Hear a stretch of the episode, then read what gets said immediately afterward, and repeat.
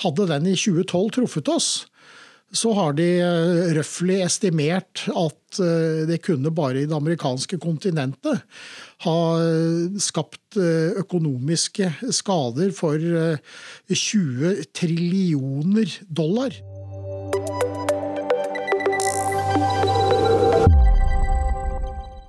Ugradert, en podkast fra Forsvarets forskningsinstitutt. Hei, og velkommen til FFIs podkast Ugradert. I dag skal vi snakke om det som er forutsetninga for alt liv her på jorda, nemlig sola. Vår egen stjerne gir oss lys og varme, men den er også egenskaper som kan gi oss problem. Såkalte solstormer kan i verste fall sette mye av det moderne samfunnet ut av spill. Vi snakker faktisk om de samme kreftene som skaper det vakre nordlyset. Sjefsforsker Tom Arild Blix her ved FFI har sett på hva følger slike stormer kan få. I en ny rapport skriver Blix at verken Forsvaret eller samfunnet ellers er godt forberedt på følgen av en kraftig solstorm. Tom Arild Blix, hva er romvær?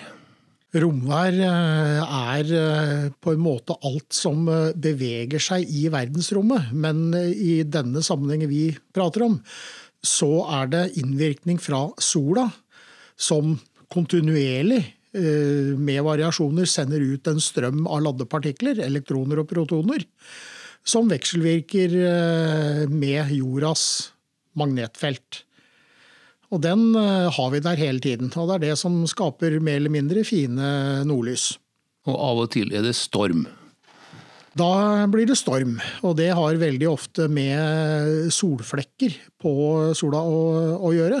Det er aktive områder som kan ha utbrudd. Eh, det kan skje eh, både under det vi kaller solflekk maksimum og solflekk minimum. Eh, antall solflekker varierer med en syklus på 11 år.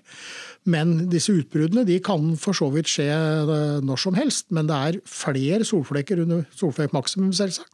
Sånn at sannsynligheten er størst rundt maksimum.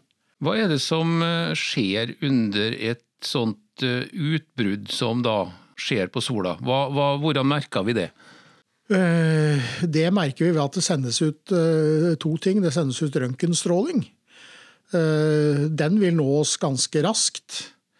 Og etter åtte-ti minutter så alt fra hvor energirike disse protonene og elektronene er som sendes ut fra de aktive solflekkområdene, de vil nå oss eh, alt fra en god del timer til et par dager.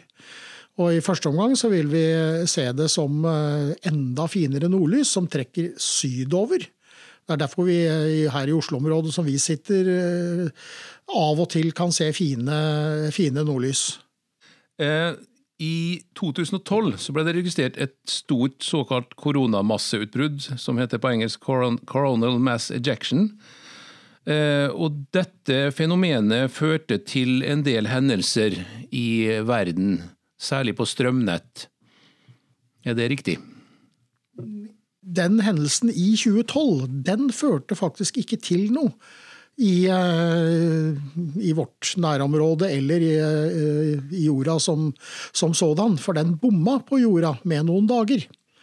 Men etter etter en eh, større hendelse som skjedde i 1859, så er det den største registrerte hendelsen i nyere tid. Og dersom den hadde truffet oss, da kunne det hatt virkelig alvorlige konsekvenser for eh, elektronikk og systemer vi omgir oss eh, med til daglig. Navigering, varetransport, banktjenester, betaling i butikk og det med eh, strøm, forsvinner den, så vil jo uh, Du får ikke lada elbilen din? Du får ikke lada elbilen din.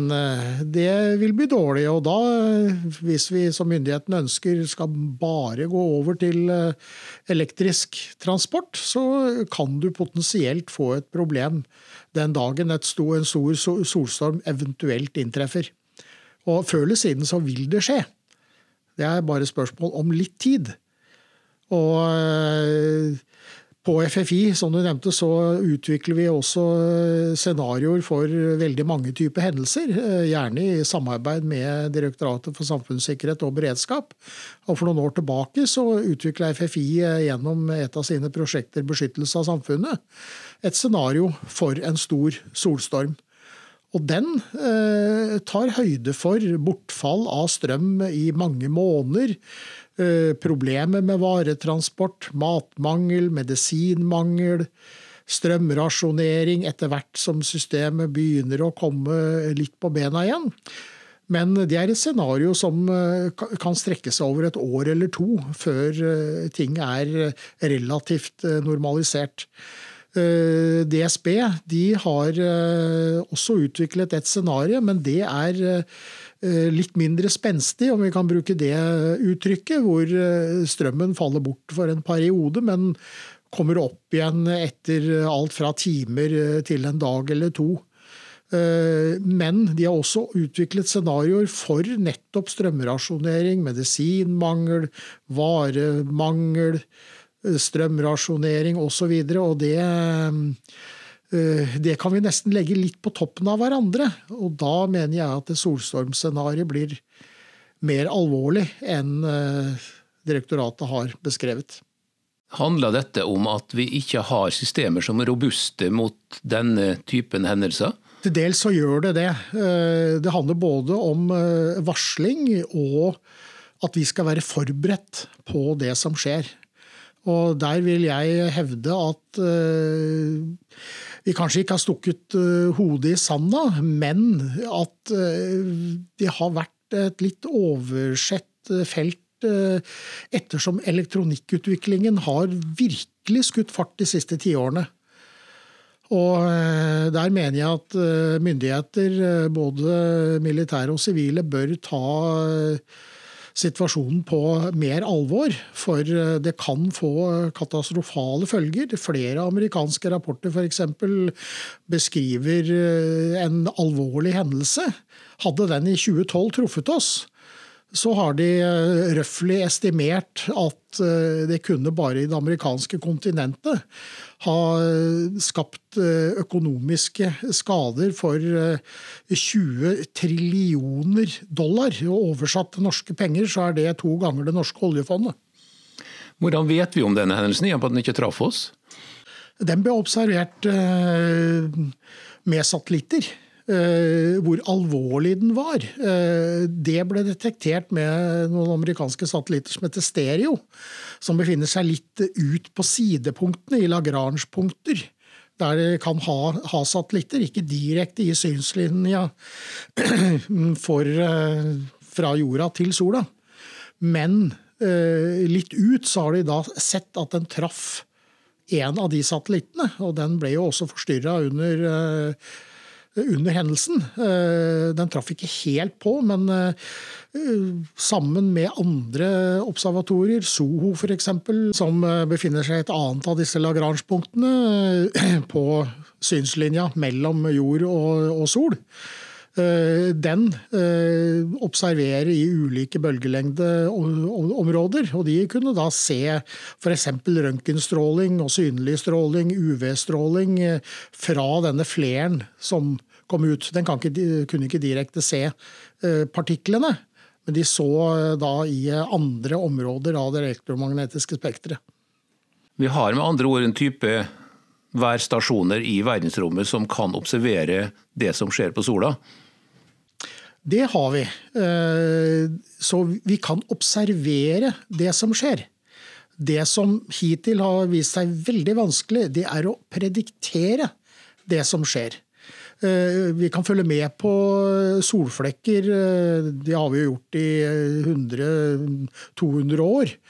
Men når tidspunktet for når en slik hendelse vil inntreffe, det er vanskeligere å si noe om. Sånn at eh, det er umulig å si at eh, du kan få et utbrudd eh, klokken tolv på julaften som ødelegger julemiddagen vår, f.eks. Men der må det mer forskning og varsler til. Så det er ingen sikker metode i dag for å forutse slike hendelser, eventuelt beskytte seg mot dem på, på kort tid? Det finnes ingen gode varsler, selv om mange går i den, den retningen for å finne metoder for å kunne varsle, i hvert fall bedre enn de gjør eh, i dag. Eh, I dag så har du eh, buzzword som kunstig intelligens, f.eks. De har forsøkt å bruke det til å se litt mer statistisk på hva som skjer, men de har ikke funnet noen veldig god metode på det, det enda. En annen ting å beskytte seg. Det er noe vi i større grad kan gjøre. Og eh, her i Norge så eh, har vi jo faktisk eh, i Trøndelag, i nærheten av Steinkjer, så er det en trafostasjon som har blitt utstyrt med sensorer. Ikke for å beskytte trafostasjonen, men for å få se på hvilke påkjenninger den blir utsatt for under variasjoner eh, i, eh, under en solstorm f.eks.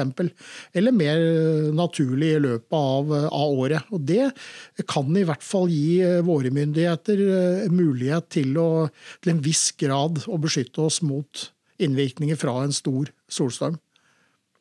Hvis vi har en solstorm, så er det ikke noe vi som mennesker vil merke. Vi vil bare merke at elektronikken vår dør.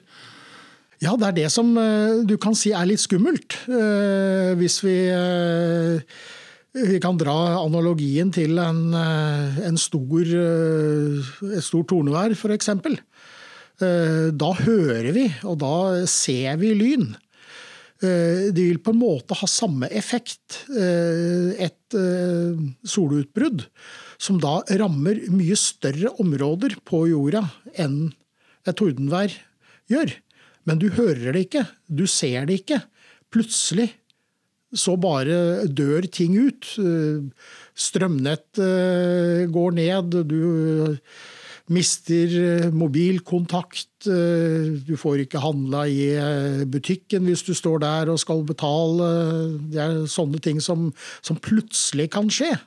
Så eh, et stort solutbrudd eller for så vidt også et, et litt mindre et, eh, alt det området som, som, rammes, så kan du si at eh, området rammes av en massiv tordenvær overalt. At det er eh, usynlige og uhørbare lynnedslag momentant over store områder.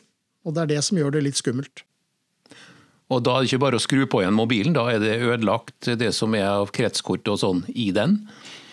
Eh, I første omgang er det selve nettet som rammes. Eh, men hvis eh, hendelsen er sterk nok, så kan det også ha direkte innvirkning på diverse duppeditter og dingser, om vi kan kalle det det, som vi omgir oss med til daglig, og som vi kanskje ikke tenker på er utsatt for påvirkning utenifra. Du har jo i rapporten din særlig tatt for konsekvenser for Forsvaret. Hva er det som er alvorligst da? Eh, det har jo vært en del eh, hendelser opp gjennom eh, årene. Fra 50-60-tallet og oppover, som bl.a. nå nettopp er, er deklassifisert fra USA i første omgang. Og bare for å ta to eksempler, så hadde vi en i 1967.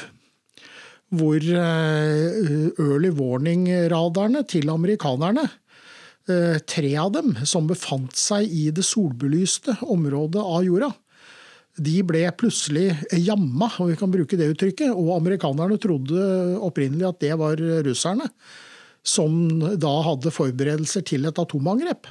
Og de skrembla faktisk sin B-52-flåte. Men heldigvis for amerikanerne på sitt uh, senter for slik varsling i Norad, så var det en med geofysisk bakgrunn som uh, hadde som oppgave å se på innvirkning fra sola. Og han var da på uh, on duty akkurat når den hendelsen skjedde.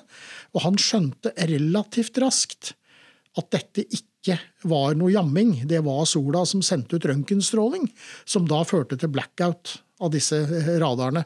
For det var også radarer som befant seg i jordskyggen, og de ble ikke rammet.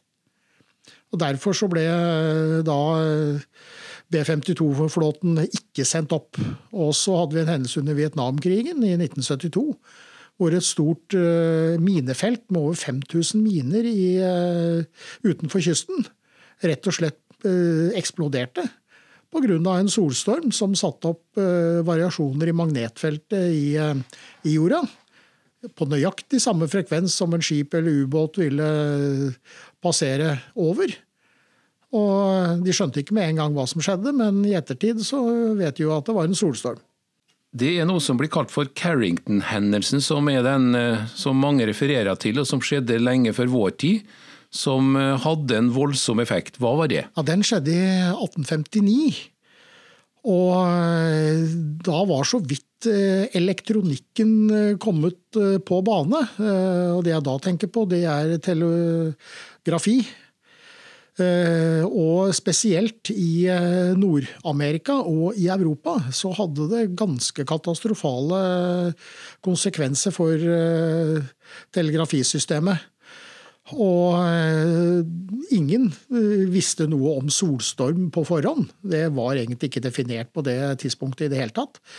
Men spesielt i Nord-Amerika så satt plutselig disse telegrafistene der og de fikk inn eh, da en stor strømpuls på nettet. Som eh, uheldigvis for mange av dem sprengte trommehinnene deres. Eh, I tillegg så begynte rett og slett en del av telegrafistasjonen å brenne. Og noen var så lure at de mente at dette skydde noe som kom på strømnettet, så de skrudde av strømtilkoblingen. Allikevel så hadde de kommunikasjon over nettet pga. at det sattes opp induserte strømmer i strømsystemet som de da kunne benytte som strømkilde, faktisk, for kommunikasjon. Men eh, det er den største hendelsen som eh, har skjedd.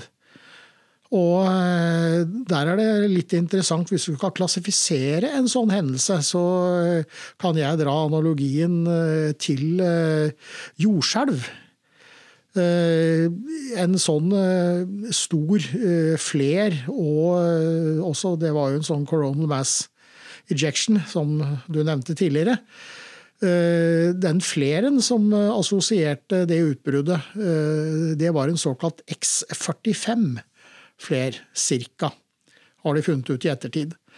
Og fler det klassifiseres på en skala fra A, B, C, M og X. Og analogien til Richters skala er at den er også eksponentiell. Så forskjellen mellom hver enkelt A, A, B, C osv. er en faktor 10. Og hvis du en fler på A og tilsvarende og tilhørende utbrudd av partikler fra sola er et eh, skjelv på ca. 4, så vil eh, den X45 være på en eh, skala på Richters skala da fra 9,5 ca. Og det har jo også vært enda kraftigere eh, utbrudd i vi kaller det prehistorisk tid. 660 år før Kristus så har de ved å undersøke isborkjerner, eh, fossile trær osv., uten at jeg vet i detalj hvordan de har gjort det. Men der har de funnet ut eh, at det har vært eh, da utbrudd som har en styrke på enda en ti-faktor høyere enn den Carrington-hendelsen. Og Tilsvarende var det i 773 etter Kristus, som de har datert veldig nøyaktig pga. anglosaksiske krøniker. Og det ville jo da vært, eh, i analogien min, et eh, jordskjelv på godt over ti på Richters skala. Så det, Datidens mennesker det, det så det på nordlys? Det var rett og slett det som er det, det synlige tegnet på at dette skjer? Det er eh, det som er tegnet. Og eh, i middelalderen så ble jo det med nordlys som du av og til kunne se i middelhavsområdene f.eks., det ble jo sett på som et eh, tegn på vonde tider, tap i krig, dommedag nærmest. Men det er jo rett og slett at under en sterk påvirkning av partikler som trenger inn i jordas magnetosfære, så skaper du nordlys. Og er den hendelsen sterk nok, så vil det vi kaller nordlysovalen trekke sydover. Og da vil du se nordlys på sydligere breddegrader. Og f.eks. tilbake til den Carrington-eventen, så så du jo eh, til og med nordlys i Karibia, Tahiti eh, og det, Da begynner vi å komme ganske langt eh, mot ekvator. Det du sier i rapporten din ganske klart, er at dette kommer vi til å oppleve igjen. Vi vet bare ikke hvor store utbrudd og når. Nei, det er jo det som er litt uh, vanskelig, som jeg allerede har sagt, å forutsi. Når det skjer, og hvor sterkt det vil, vil, ramme oss. Men det jeg ønsker gjennom rapporten å oppnå, er å bevisstgjøre myndighetene på å sette inn tiltak, og ikke overse problemet. Altså, Vi skal jo ikke overdrive heller. Det er ikke noe som skjer i, i dagliglivet, disse store utbruddene. Men de skjer med jevne mellomrom. Og vi har gjort oss mer og mer avhengig av elektronikk i dagliglivet. Og mer og mer av det som vi kaller hyllevare. Eh, det har også Forsvaret gjort seg avhengig av. Tidligere ble jo alle militære satellitter f.eks. utstyrt med det vi kaller mildspekk-komponenter, altså som er utvikla for å motstå store påvirkninger. Men nå sendes det opp mer og mer satellitter hvor du bare går og kjøper komponenten i en vanlig elektronikkbutikk og eh, det skaper større sårbarhet for systemet. Og i og med at vi da eh, blir mer og mer avhengig av elektronikk i eh, dagliglivet uten at vi, vi tenker over det, så blir vi mer og mer sårbare. Og igjen tilbake til, til tordenvær. De som har opplevd sterke lynnedslag i nærheten. Veldig ofte så går vi og drar ut eh, kontakta for at eh, våre elektroniske apparater hjemme ikke skal ødelegges. Eh, vi hører jo ikke et solutbrudd. Så når det skjer et sålutbrudd, så ønsker jeg at myndighetene i hvert fall sender ut et minimum av varsel til befolkningen dersom det oppdages kanskje en dag i forveien at her kan det skje noe, sånn at folk i hvert fall har muligheten til å foreta visse uh, konkrete tiltak i, i, sitt eget hjem. Det du sier er at eh, du kan gjøre som i Tordenvær, dra ut kontakten. Det vil dra, det hjelpe. kan du gjøre. Dra ut kontakten, det er i hvert fall det enkleste. Det er litt verre med strømnettet f.eks. Og hvis du eh, ødelegger eh, transformatorer, eh, så kan enkelte av de ta to år å erstatte. Strømnettet i Norge er heldigvis ikke så utsatt for det som f.eks. strømnettet i, i, USA. Der er de veldig bekymra for det nettet de har i dag.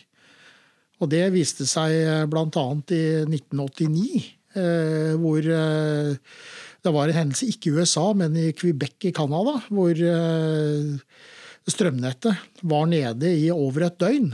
Og det skjedde jo på vintertid. Jeg tror det var i mars.